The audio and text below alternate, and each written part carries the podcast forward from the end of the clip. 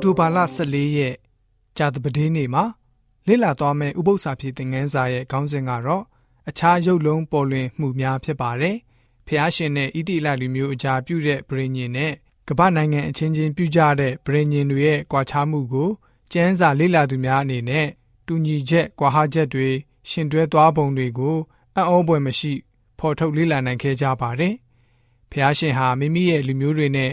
ရိုးရိုးလေးပဲအမှုပြုတော်မူပြီးတော့ သူတို့နားလည်နိုင်စွမ်းတဲ့ပတ်ဝန်းကျင်နဲ့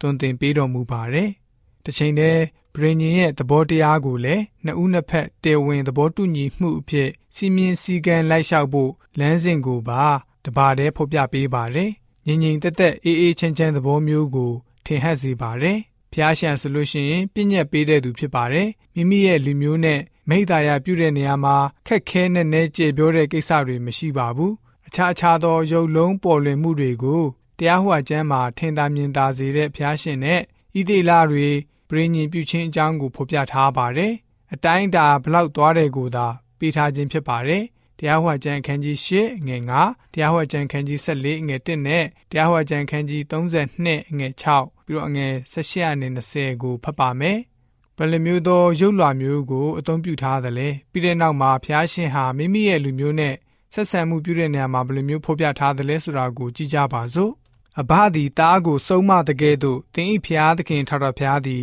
တင့်အားဆုံးမတော်မူသည်ကို စိတ်ထဲမှအောက်မေ့ရမည်သင်တို့သည်သင်တို့ဖျားသခင်ထာဝရဘုရား၏တားဖြစ်ကြ၏တေသောသူအတွက်အသားကို မခုတ်မရှရမျက်မှောင်ကြားမှအမွေးကို မရိပ်ရ။အိုးပညာမဲ့သောလူမိုက်တို့ ထာဝရဘုရား၏ကျေးဇူးတော်ကိုဤသို့ဆက်မည်လောထာဝရဘုရားသည်တင့်ကိုဖြစ်စေသောအဘတင့်ကိုဖန်ဆင်း၍နေရာချသောသူဖြစ်တော်မူသည်မဟုတ်လော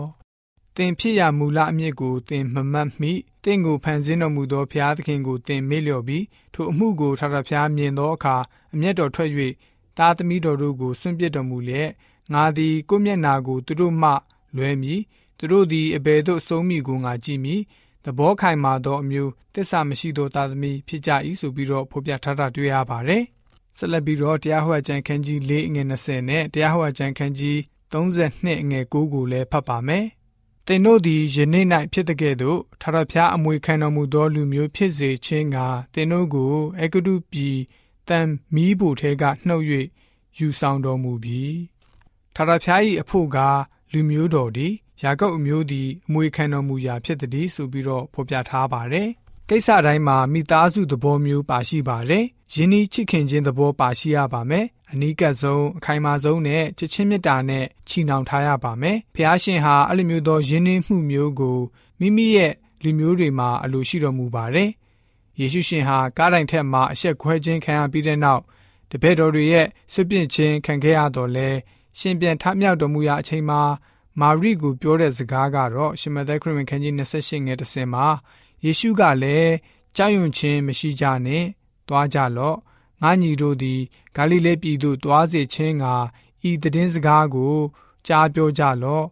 ထိုပြည်၌သူတို့သည်ငါ့ကိုတွေ့မြင်ရကြလိမ့်မည်ဟုမိန့်တော်မူ၏ဆိုပြီးတော့ပြောခဲ့တာတွေ့ရပါတယ်မိမိရဲ့တပည့်တော်တွေကိုလည်းပဲငါညီတို့လို့သမုတ်ခေါ်ဆိုခဲ့ပါတယ် ချစ်ချင်းမေတ္တာကရုဏာနဲ့မေတ္တာသာလင်အရာရာကို ခွင့်လွတ်လက်ခံနိုင်တာဖြစ်ပါတယ်ကျွန်တော်တို့အနေနဲ့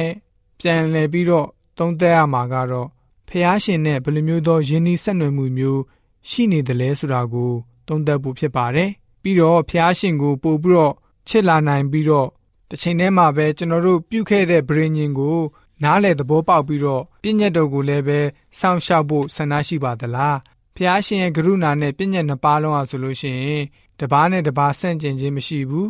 ရိုင်းမင်းဖြည့်ဆွက်ခြင်းသာဖြစ်တယ်ဆိုတာကိုကျွန်တော်တို့အနေနဲ့သိရှိပြီးတော့ဖျားရှင်နဲ့အမြဲတမ်းနှီးကပ်တဲ့ယုံကြည်သူတွေဖြစ်စေဖို့အတွက်ဂျာသပတေးနေ့ဥပုသ္စာဖြစ်တဲ့ငန်းစာကဖော်ပြထားပါတယ်။